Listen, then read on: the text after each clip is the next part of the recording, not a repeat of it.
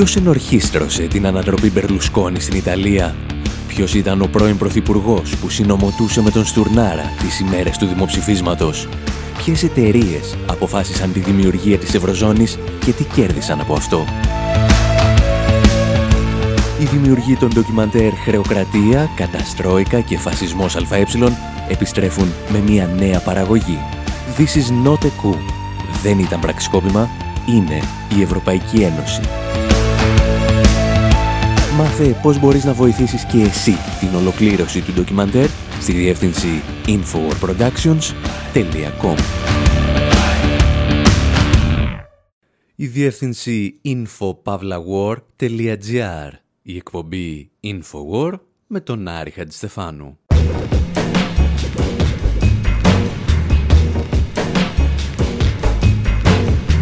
Όπου σήμερα αναρωτιόμαστε εάν μια εταιρεία μπορεί να ελέγχει μια ολόκληρη χώρα και απαντάμε εν συντομία σιγά που δεν μπορεί. Ξεφυλίζουμε το τελευταίο βιβλίο από τις εκδόσεις των συναδέλφων που μας διηγείται μια παλιά ιστορία από την Ιγυρία και τον πετρελαϊκό κολοσσό της ΣΕΛ θυμόμαστε έναν ήρωα που εκτελέστηκε γιατί τα έβαλε με αυτή την εταιρεία και συλλέγουμε παλιές και νέες ιστορίες για εταιρείες που εκτέλεσαν ολόκληρες χώρες. Επιβιβαζόμαστε και πάλι στην καρότσα ενός φορτηγού που γράφει United Fruit Company, παρέα με τον Τσέγκεβάρα.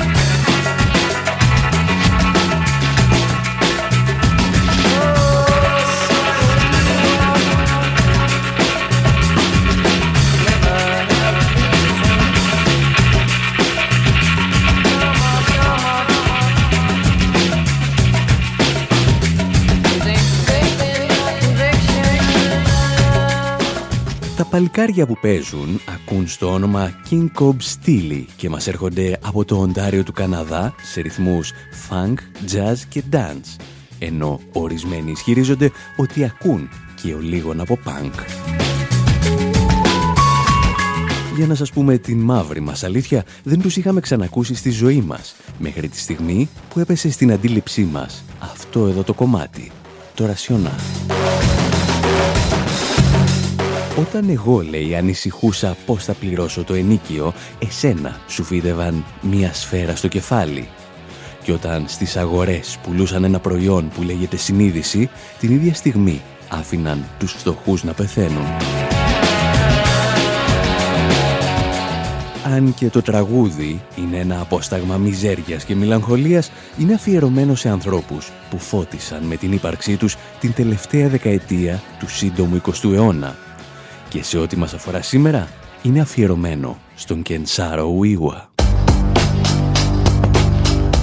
Εάν το όνομα δεν σας λέει κάτι, είτε είστε πολύ μικροί ή δεν προσέχατε τις διεθνείς ειδήσεις στη δεκαετία του 90, τότε που ο Κενσάρο Ουίουα αποφάσισε να τα βάλει με τον πετρελαϊκό κολοσσό της Σέλ στην Ιγυρία και το πλήρωσε με τη ζωή του.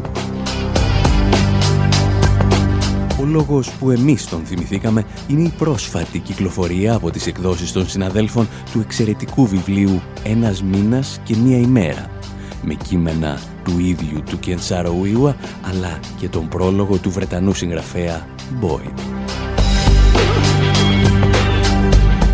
Και πιστεύουμε ότι δεν χρειάζεται να σας διαβάσουμε τίποτα περισσότερο από τις πέντε πρώτες γραμμές του προλόγου, όπου ο συγγραφέας λέει κουβέντες σαν κι αυτές.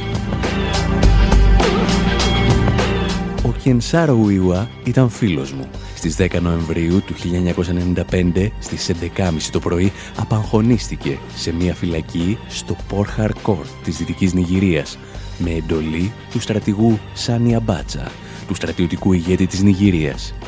Ο Κενσάρο Ουιουά ήταν 54 χρονών και ήταν αθώος.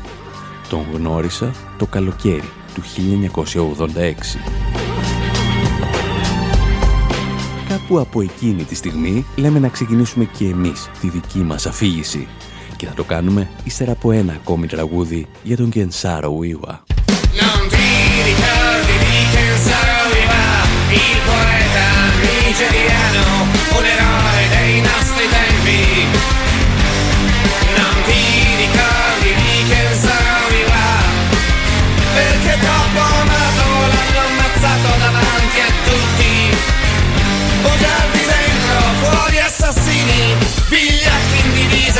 generazioni intere ingannate per sempre.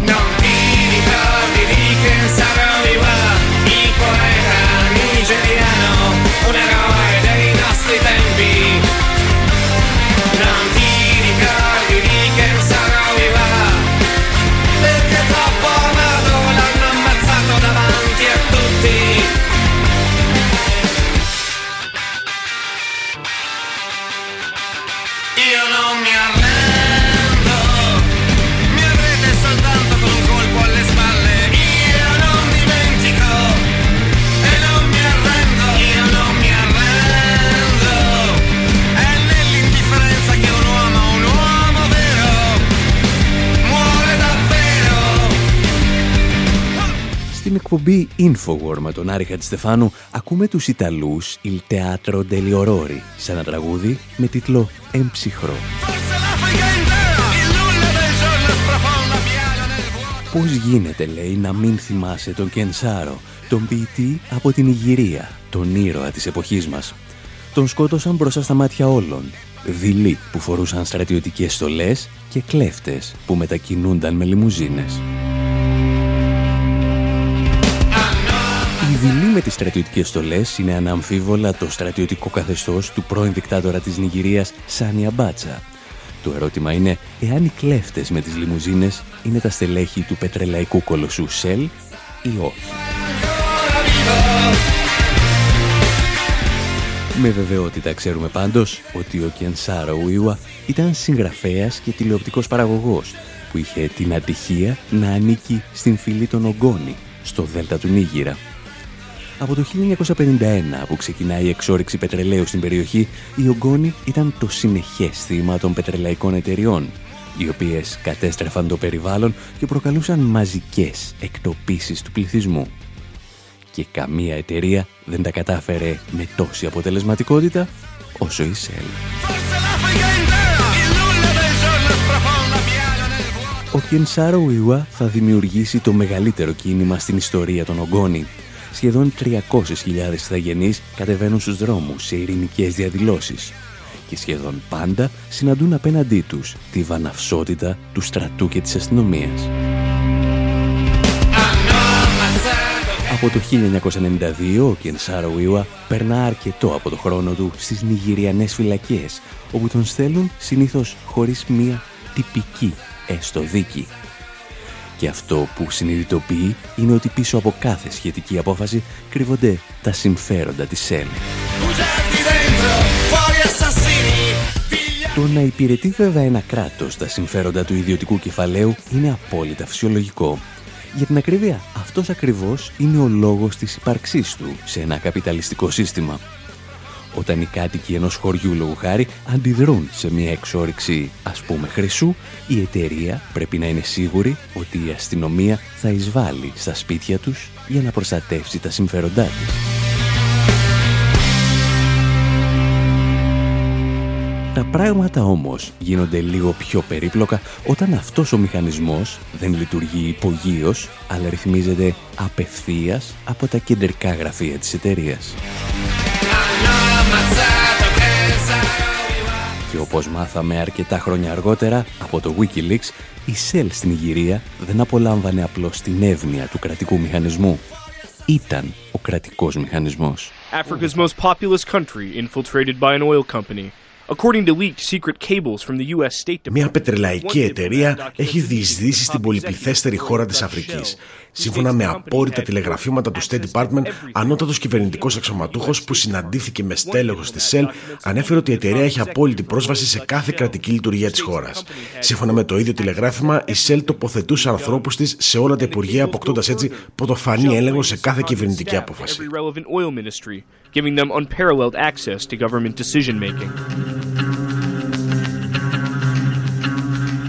Κενσάρο Ιουα έχει αποφασίσει πλέον να γίνει η άμμο στα γρανάζια αυτού του μηχανισμού της ΕΛ. Ήταν η στιγμή που πήρε το παρατσούκλι λιοντάρι της Αφρικής. Ήταν επίσης η στιγμή που κάποιοι αποφάσισαν ότι ενοχλούσε υπέρ το δέον τα στελέχη του πετρελαϊκού κολοσσού. Μας τα εξηγούσε τότε το Channel 4.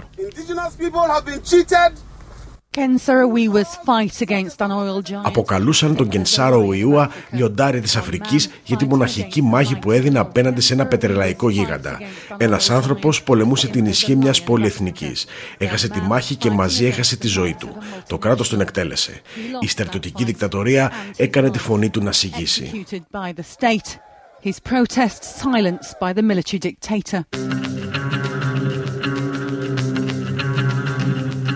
Το στρατιωτικό καθεστώς της Νιγηρίας συλλαμβάνει και καταδικάζει τον Κενσάρο Ιουα με την κατηγορία της εξόντωσης μετριοπαθών μελών της φυλής του. Πληρωμένοι μάρτυρες κατηγορίας στείλουν μια παράλληλη πραγματικότητα, καθώς οι δικηγόροι του έχουν παρετηθεί, καταγγέλλοντας τη δίκη ως παροδία. Το καθεστώς αποφασίζει τελικά την εκτέλεσή του και ο Κενσάρο Ιουα απαγχωνίζεται μαζί με άλλους οχτώ συντρόφους του. Το μεγάλο ερώτημα που τίθεται έκτοτε είναι εάν η εκτέλεση έγινε απλώς προς το συμφέρον της ΣΕΛ ή με εντολή της ΣΕΛ. Ερώτημα που λέμε να εξετάσουμε εντός ολίγου.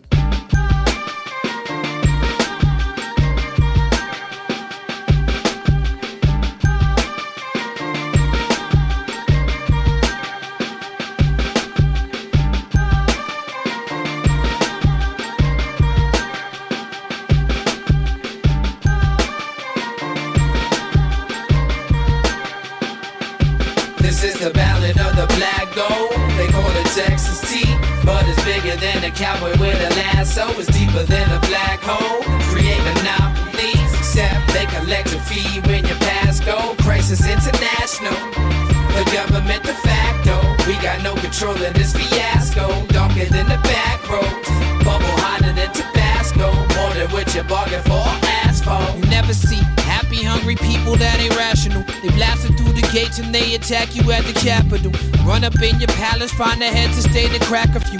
Get a taste of power, then they become fascists to the fiscal. Conservatives don't know what their purpose is. Spend money on the war, then they cut your goods and services. Murderers, corporate monsters is breaking records. Exoners at 40 billion a year. They raking in record profits. Stop it. How they banking while the oil industry is tanking? Leadership is sinking. The pollution in the water stanking. Loyalty to petroleum royalty spoil the economy. We won't get it poppin' till we oil free. If you're oil rich, then we invaded. They call it occupation, but we losing jobs across the nation. Drill, baby, drill, while they make our soldiers kill, baby, still. The desert where the blood and oil spills. This is the ballad of the black gold. They call it Texas tea, but it's bigger than a cowboy with a lasso. It's deeper than a black hole. Create monopolies, except they collect a fee when you pass go. Crisis international. The government de facto. We got no control in this fiasco. Darker than the back roads. Bubble hotter than Tabasco. More than what you bargained for. Asphalt. Nigeria is celebrating 50 years of independence. They still feel the colonial effects of Great Britain's presence. Dictators quick to imitate the West. Got in bed with oil companies and now to place a mess. Take a guess which ones came and violated. They oiled up the soil. The Ogoni people was almost annihilated. But still, they never stayed silent. There was activists and poets using non-violent tactics that was catalyst for soldiers to break into their crib. Take it from the kids to try to break them like a twig and make examples of the leaders. Executed Sarah Weaver threw Fela's mom out the window right after they beat her in an effort to defeat hope. Now the people feet soaked in oil, so the youth is doing drive-bys and speedboats. They kidnap the workers, they blowing up the pipelines. You see the fires glowing in the nighttime. This is the ballad of the black gold. They call it Texas tea, but it's bigger than a cowboy with a lasso. It's deeper than a black hole. Create monopolies, except they collect a fee when you pass go. Στην εκπομπή Infowar με τον Άρη Χατζηστεφάνου ακούμε τους Reflection Eternal να τραγουδούν την ιστορία του Μαύρου Χρυσού και μαζί την ιστορία του Κενσάρου Ιούα και την εκτέλεσή του από το στρατιωτικό καθεστώς της Νιγηρίας. Στα χρόνια που ακολούθησαν την εκτέλεση του Νιγηριανού ακτιβιστή και των συντρόφων του, οι οικογένειες των θυμάτων αναζητούσαν το δίκαιο τους σε διεθνή δικαστήρια. Το συναρπαστικό όμως με τα διεθνή δικαστήρια είναι ότι σχεδόν ποτέ δεν θέλουν να ακούσουν άσχημες κουβέντες εναντίον πολυεθνικών εταιριών. Είναι κάτι σαν να πηγαίνει σε φοπλιστή σε ένα δικαστήριο κοντά σε λιμάνι. Παρ' όλα αυτά, οι συγγενείς των θυμάτων βρήκαν ένα παλιό αμερικανικό νόμο που τους έδωσε ελπίδα. Και όταν λέμε παλιό, εννοούμε πολύ παλιό. With no international court to turn to, they found an obscure American law from 1789. Καθώς κανένα διεθνές δικαστήριο δεν δεχόταν την υπόθεσή τους, οι συγγενείς εντόπισαν ένα παλαιό αμερικανικό νόμο από το 1789, ο οποίος τους επέτρεπε να στείλουν τη ΣΕΛ σε ομοσπονδιακό δικαστήριο στη Νέα Υόρκη. Η κατηγορία αφορούσε καταπάτηση ανθρωπίνων δικαιωμάτων που οδήγησαν στο θάνατο των συγγενών τους. Το Channel 4 έχει στη διάθεση του έγγραφα που αποδεικνύουν το βαθμό εμπλοκής της ΣΕΛ στις επιθέσεις που πραγματοποιούσε η κυβέρνηση εναντίον της φυλής Ογκόνη. Το 1990 η εταιρεία ζητούσε από την αστυνομία να στείλει ειδικές δυνάμεις για να σταματήσουν ενδεχόμενες επιθέσεις των κατοίκων της περιοχής. Η ΣΕΛ αρνείται ότι γνώριζε για τη βαναυσότητα των συγκεκριμένων δυνάμεων. Η ίδια όμως είχε χρησιμοποιήσει τις ίδιες αστυνομικές δυνάμεις τρία χρόνια νωρίτερα εναντίον μιας ειρηνικής διαδήλωσης. Δυο διαδηλωτές είχαν σκοτωθεί τότε και 40 σπίτια καταστράφηκαν. Two civilians were killed and 40 houses destroyed.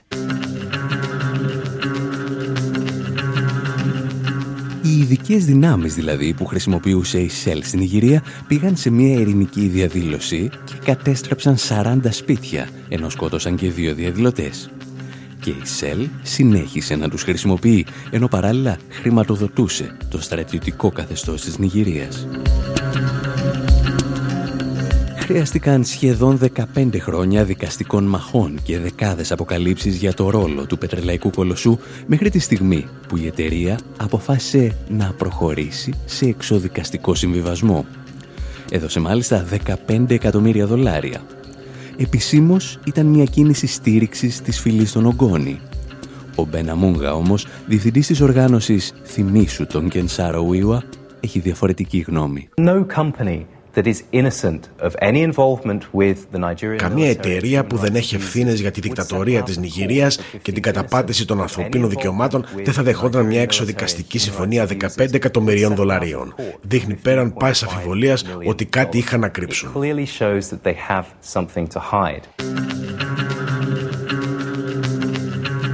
Θεωρητικά, ο εξοδικαστικός συμβιβασμός θα επέτρεπε στην ΣΕΛ να συνεχίσει ανενόχλητη το έργο της.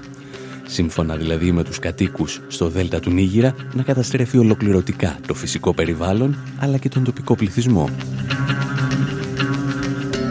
Μόνο που η βία του πολυεθνικού κεφαλαίου πολλές φορές οδηγεί σε εξίσου ισχυρές βίας από τους τοπικούς παράγοντες.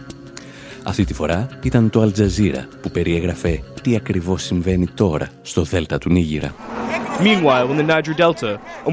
Εν τω μεταξύ, τα τελευταία χρόνια μια πολύ πιο επιθετική μορφή αντίστασης κερδίζει έδαφος. Ομάδα ενόπλων που αποκαλείται κίνημα για την απελευθέρωση του Δέλτα του Νίγηρα πραγματοποιεί συχνές επιθέσεις σε εγκαταστάσει πετρελαϊκών εταιριών και απαγάγει εργαζόμενους σε αυτές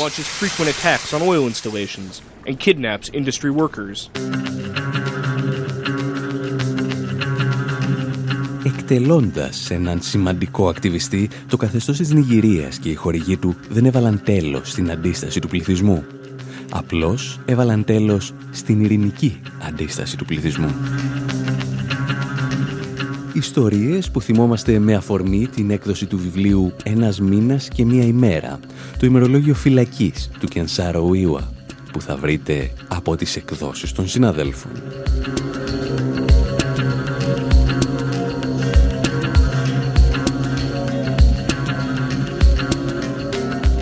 Μιας όμως και ξεκινήσαμε τις ιστορίες για εταιρείες που λειτουργούν σαν αυταρχικά καθεστώτα, λέμε να θυμηθούμε και μια παλιότερη ιστορία με μπανάνες από τη Λατινική Αμερική. Λίγη μόνο υπομονή και επιστρέφουμε.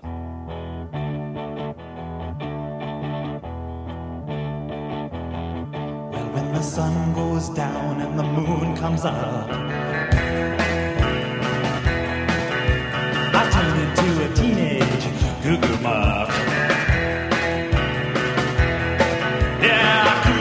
city and I roam the streets. Looking for something that is nice to eat. You better duck when I show up. The Goo Goo Mob.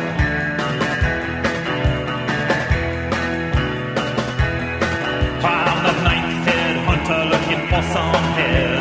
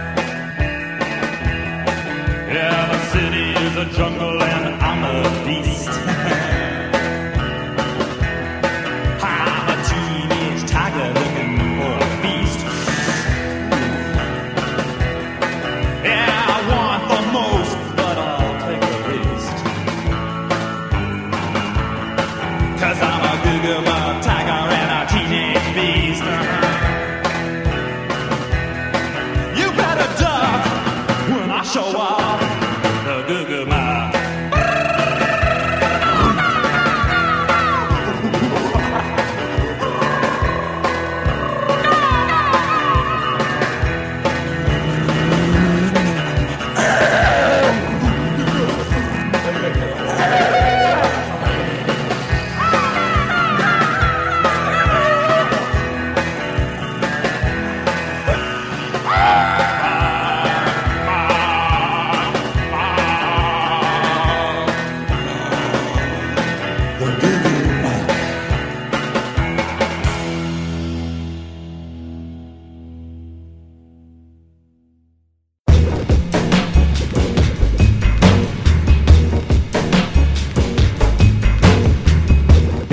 Εκπομπή Infowar, μέρος δεύτερο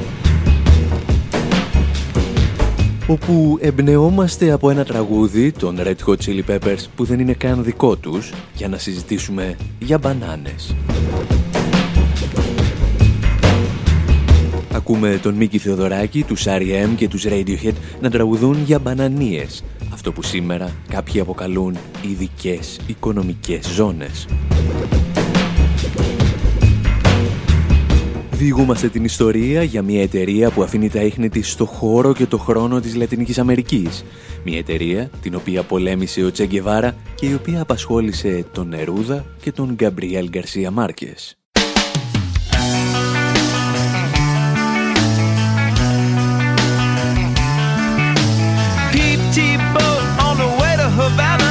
I used to make a living man picking the banana. Now I'm a for the CIA. Hooray for the USA. Baby, baby, make me loco. Baby, baby, make me mambo.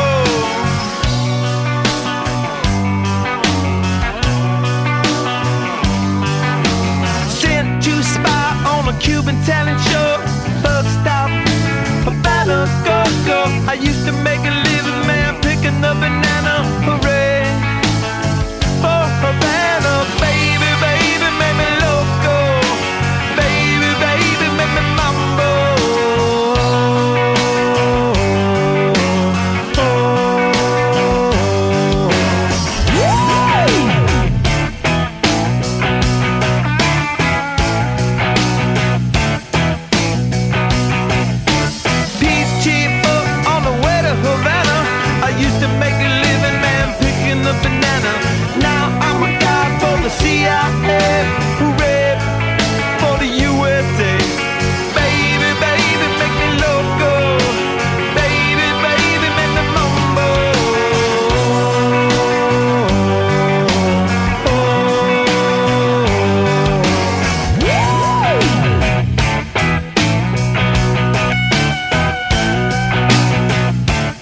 Έβγαζα το ψωμί μου, τραγουδούν οι Red Hot Chili Peppers, μαζεύοντας μπανάνες στην Αβάνα.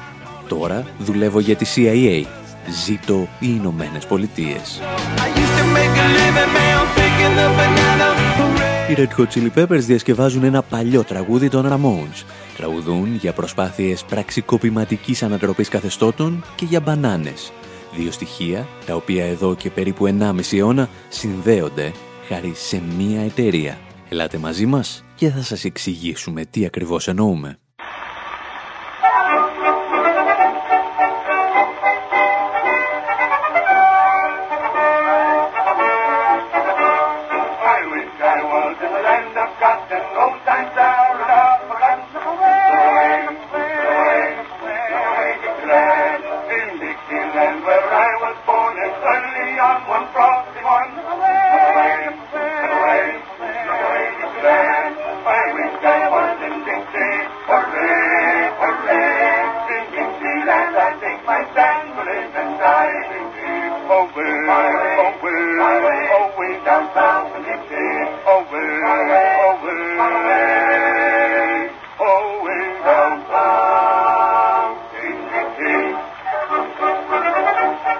Έχουμε επιστρέψει στο 1871. Ένας Αμερικανός επιχειρηματίας που ακούει στο όνομα Minor Keith έχει μόλις κληρονομήσει την επιχείρηση του θείου του. Κατασκευάζει μια σιδηροδρομική γραμμή στην Κώστα Ρίκα.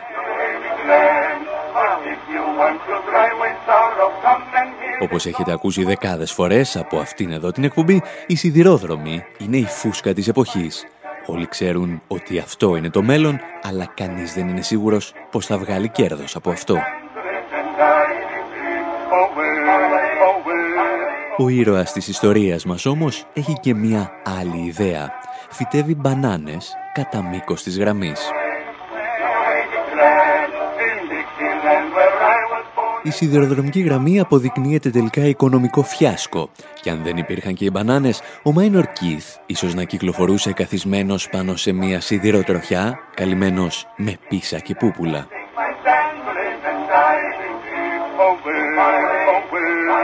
Από αυτό το εγχείρημα πάντως θα γεννηθεί ύστερα από μερικές δεκαετίες η περίφημη United Fruit Company, η μητέρα της γνωστής μας Τσικίτα.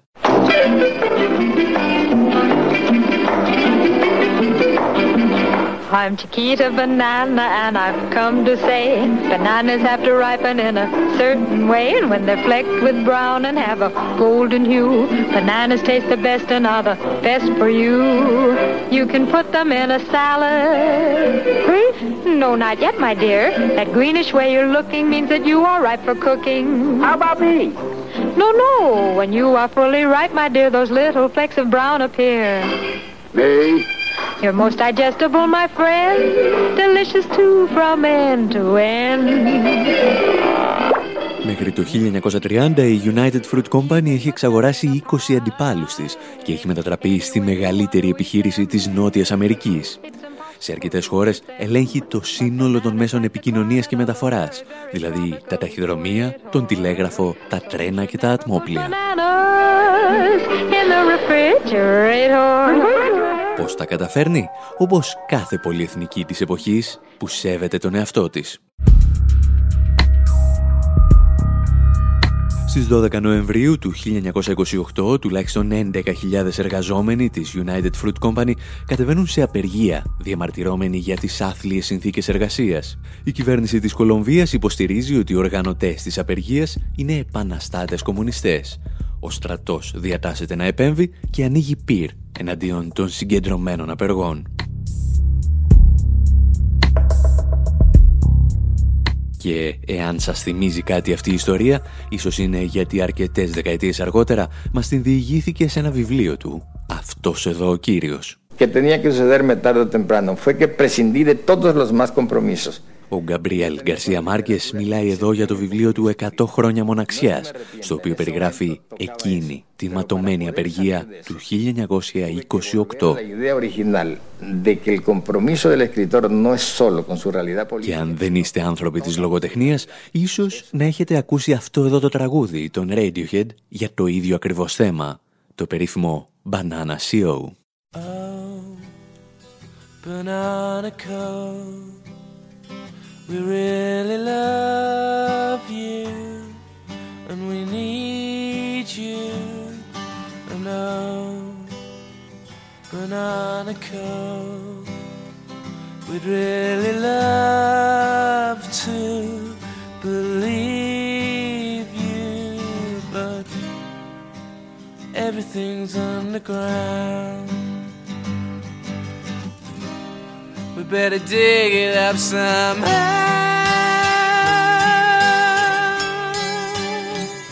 Yeah, yeah.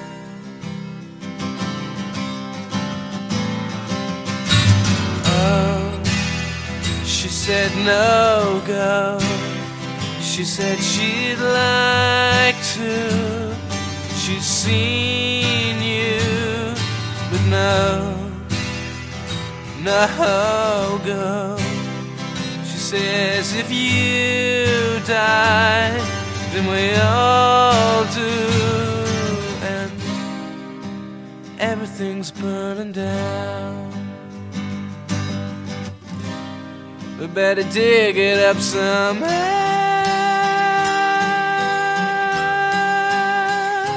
Yeah, yeah.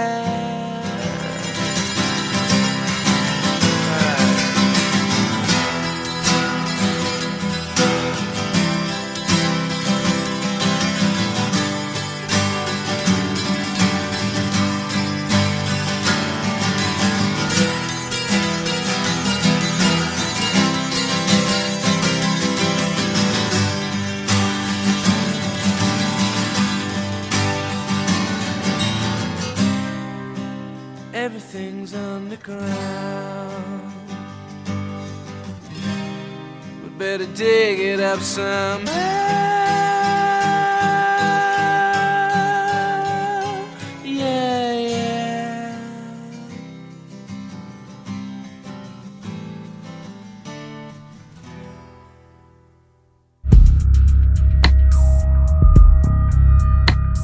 Ακούτε ακόμη το Infowar με τον Άρη Χατζηστεφάνου και διηγούμαστε ιστορίες για μια εταιρεία που συνέδεσε το όνομά της με τη μοίρα της Λατινικής Αμερικής, τη United Fruit Company, τη σημερινή Τσικίτα.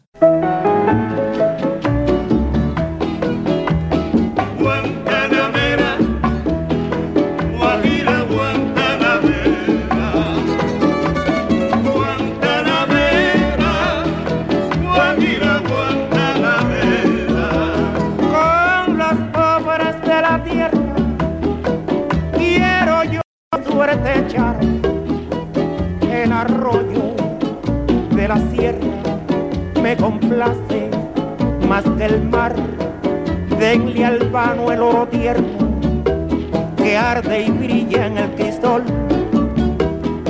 A mí denme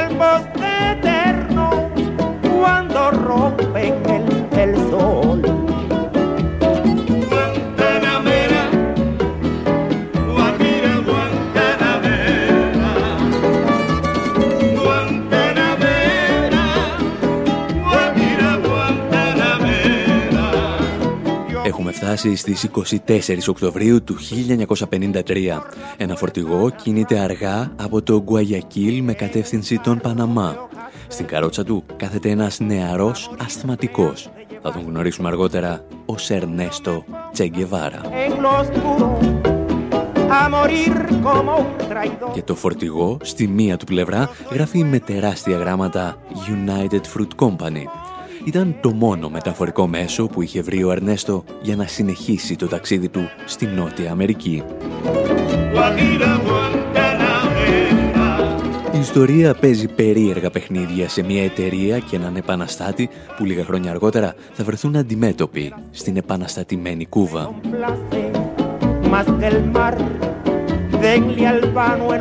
Πρώτα όμως, η United Fruit Company είχε και άλλες αποστολές να εκτελέσει. Ένα χρόνο αργότερα τη συναντάμε στην Γουατεμάλα. Η εταιρεία σκύβει στο αυτί της Αμερικανικής κυβέρνησης και της ψιθυρίζει ότι η χώρα ετοιμάζεται να αποσκιρτήσει από την αγκαλιά της Δύσης και να συμμαχήσει με το Σοβιετικό μπλοκ. Ο Αμερικανός τότε Υπουργός Εξωτερικών, Τζον Φώστερ Ντάλες, φαίνεται να συμφωνεί ως ένα βαθμό για το κακό δρόμο που έχει πάρει η Γουατεμάλα. Οι ίδιοι μπορεί να μην είναι κομμουνιστές, αλλά έχουν υποστεί την επιρροή του κομμουνισμού, ο οποίος χρησιμοποιεί τον ακραίο εθνικισμό ως οργανό του.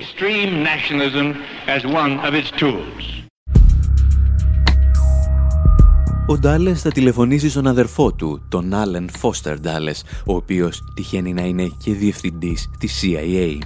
Τυχαίνει μάλιστα να είναι και ο άνθρωπος που είχε ενορχιστρώσει το πραξικόπημα στο Ιράν για την ανατροπή του Μοσάντεκ. Ύστερα από μερικά ακόμη τηλεφωνήματα, η κυβέρνηση της Γουατεμάλας ανατρέπεται και ο Ρίτσαρτ Νίξον, τότε αντιπρόεδρος της κυβέρνησης Αζενχάουερ, εξηγεί γιατί έπρεπε να απομακρυνθεί από το προσκήνιο. Το καθεστώς δεν αποτελούσε κυβέρνηση της Γουατεμάλας. Ήταν μια ξένη κυβέρνηση η οποία ελέγχονταν από το εξωτερικό. Τα πράγματα βέβαια ήταν μάλλον ελαφρώς πιο απλά. Η United Fruit Company είχε υπό τον έλεγχό της το σιδηροδρομικό δίκτυο της χώρας και δεν επέτρεπε στην κυβέρνηση να κατασκευάσει αυτοκινητόδρομους που θα έσπαγαν το μονοπόλιο της στις μεταφορές. Ακόμη είχε υπό τον έλεγχό της τεράστιες εκτάσεις, τις οποίες η κυβέρνηση ήθελε να εθνικοποιήσει.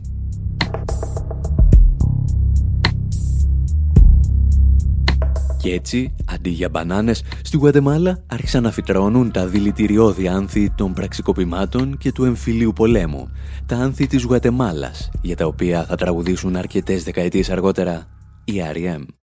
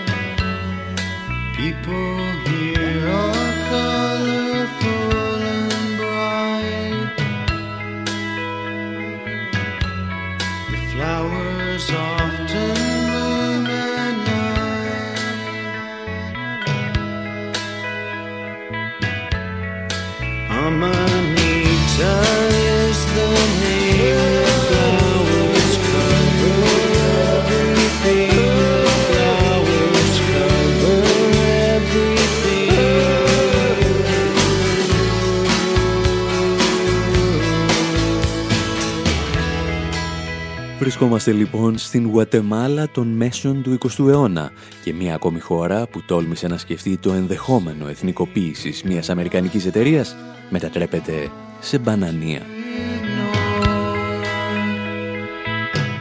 Αυτό που δεν κατάφερε να κάνει όμως η κυβέρνηση της Γουατεμάλας, να εθνικοποιήσει τις εκτάσεις της United Fruit Company, θα το καταφέρει αυτός εδώ ο κύριος, ο Φιντέλ Κάστρο.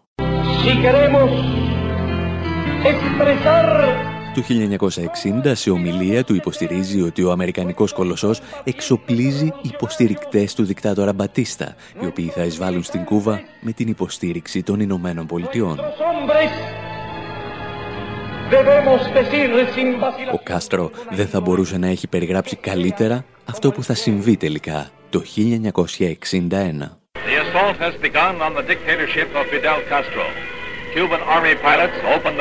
Τα αμερικανικά επίκαιρα μεταδίδουν τις πρώτες πληροφορίες για την εισβολή στον κόλπο των χείρων που ενορχίστρωσε η CIA. Πώς εμπλέκεται η United Fruit Company σε αυτή την υπόθεση; Με πολλούς τρόπους. Εκείνη την εποχή η εταιρεία συνεργαζόταν με την πετρελαϊκή εταιρεία Zapata. Διευθυντής της εταιρείας ήταν κάποιος κύριος George Bush, ο άνθρωπος που μεταξύ άλλων θα γίνει αργότερα διευθυντής της CIA και πρόεδρος των Ηνωμένων Πολιτειών. Όλος τυχαίως η εισβολή στον κόλπο των χείρων πραγματοποιήθηκε ακριβώς στο σημείο όπου πραγματοποιούσε έρευνες για πετρέλαιο η εταιρεία Ζαπάτα. Αυτή η επιχείρηση του George Bush, έγραφαν πριν από λίγα χρόνια οι Los Angeles Times, ενδέχεται τελικά να αποτελούσε μια βιτρίνα της CIA στην Κούβα. Η United Fruit Company λοιπόν έχει πλέον αποκτήσει τη δική της φήμη σε ολόκληρο τον κόσμο για τα πραξικοπήματα στα οποία βοηθά. Και ο κόσμος θα την θυμηθεί λίγα χρόνια αργότερα όταν ο Μίκης Θεοδωράκης μελοποιεί το «Κάντο General» του Παύλο Νερούδα και ανάμεσα στα ποίηματα ακούει και το «La United Fruit».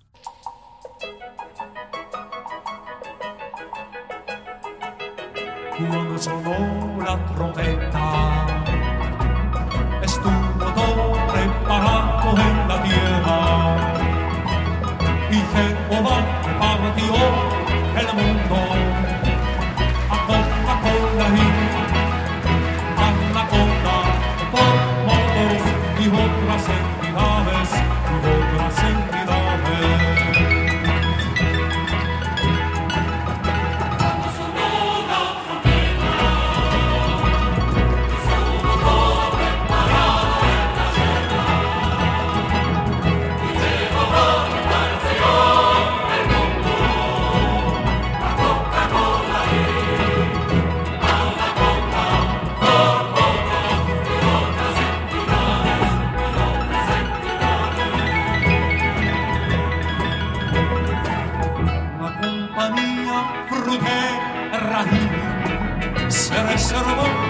ロマン足殺そう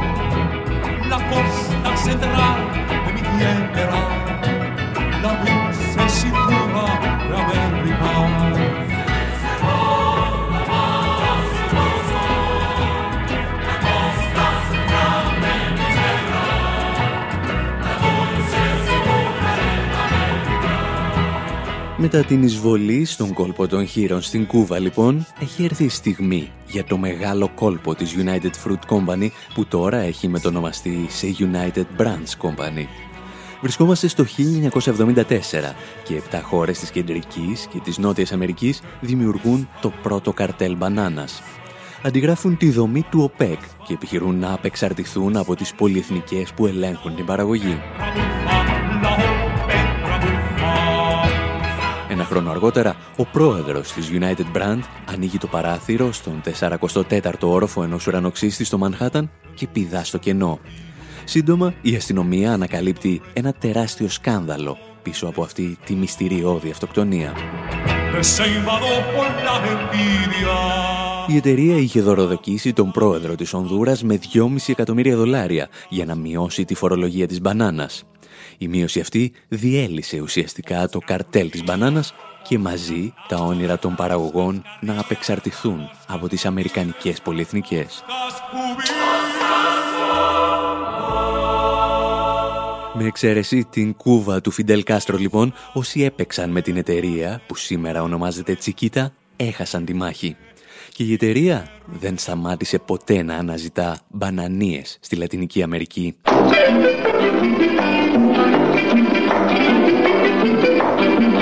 I'm Chiquita Banana and I've come to say bananas have to ripen in a certain way and when they're flecked with brown and have a golden hue bananas taste the best and are the best for you. You can put Στις 14 Μαρτίου του 2007 η Τσικίτα παραδέχθηκε ενώπιον Αμερικανικού Δικαστηρίου ότι χρηματοδοτούσε μια ακροδεξιά οργάνωση στην Κολομβία τις Ενωμένες Δυνάμεις για την Αυτοάμυνα της Κολομβίας. You're most digestible, my friend. Πρόκειται για παρακρατικά τάγματα θανάτου που στο παρελθόν είχαν συνεργαστεί με τις ένοπλες δυνάμεις της Κολομβίας για να εξοντώσουν τους αριστερούς αντάρτες της χώρας. Any way you want to eat them. It's impossible. Ιστορίες από χθες που ακούγονται καλά ακόμη και σήμερα. Tropical equator. So you should never put Κάπου εδώ όμως θα σας αφήσουμε και για αυτή την εβδομάδα. now including baby's diet. And since they are Από τον Άρη Χατζηστεφάνου στο μικρόφωνο και τον Δημήτρη Σαθόπουλο στην τεχνική επιμέλεια, γεια σας και χαρά σας.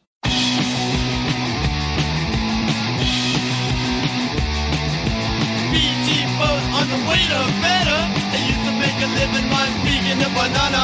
Now I'm a guy for the CIA, a red for the USA.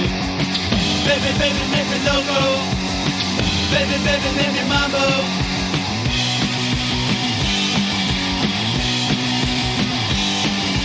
Safety spot, only keep it down the truck. First stop, I better go, go. I used to make a living by peeking a banana. Red for Havana. Baby, baby, make me loco. Baby, baby, me mambo.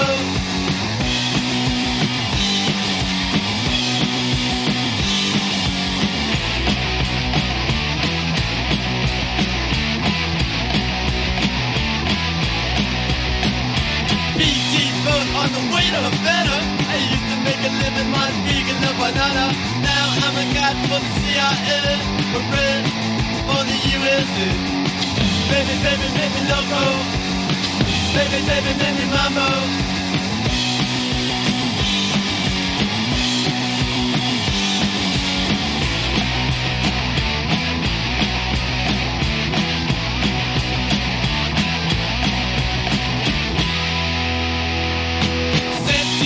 On show. First stop, I better go, go. You can make a living, banana. Baby, baby, baby, my.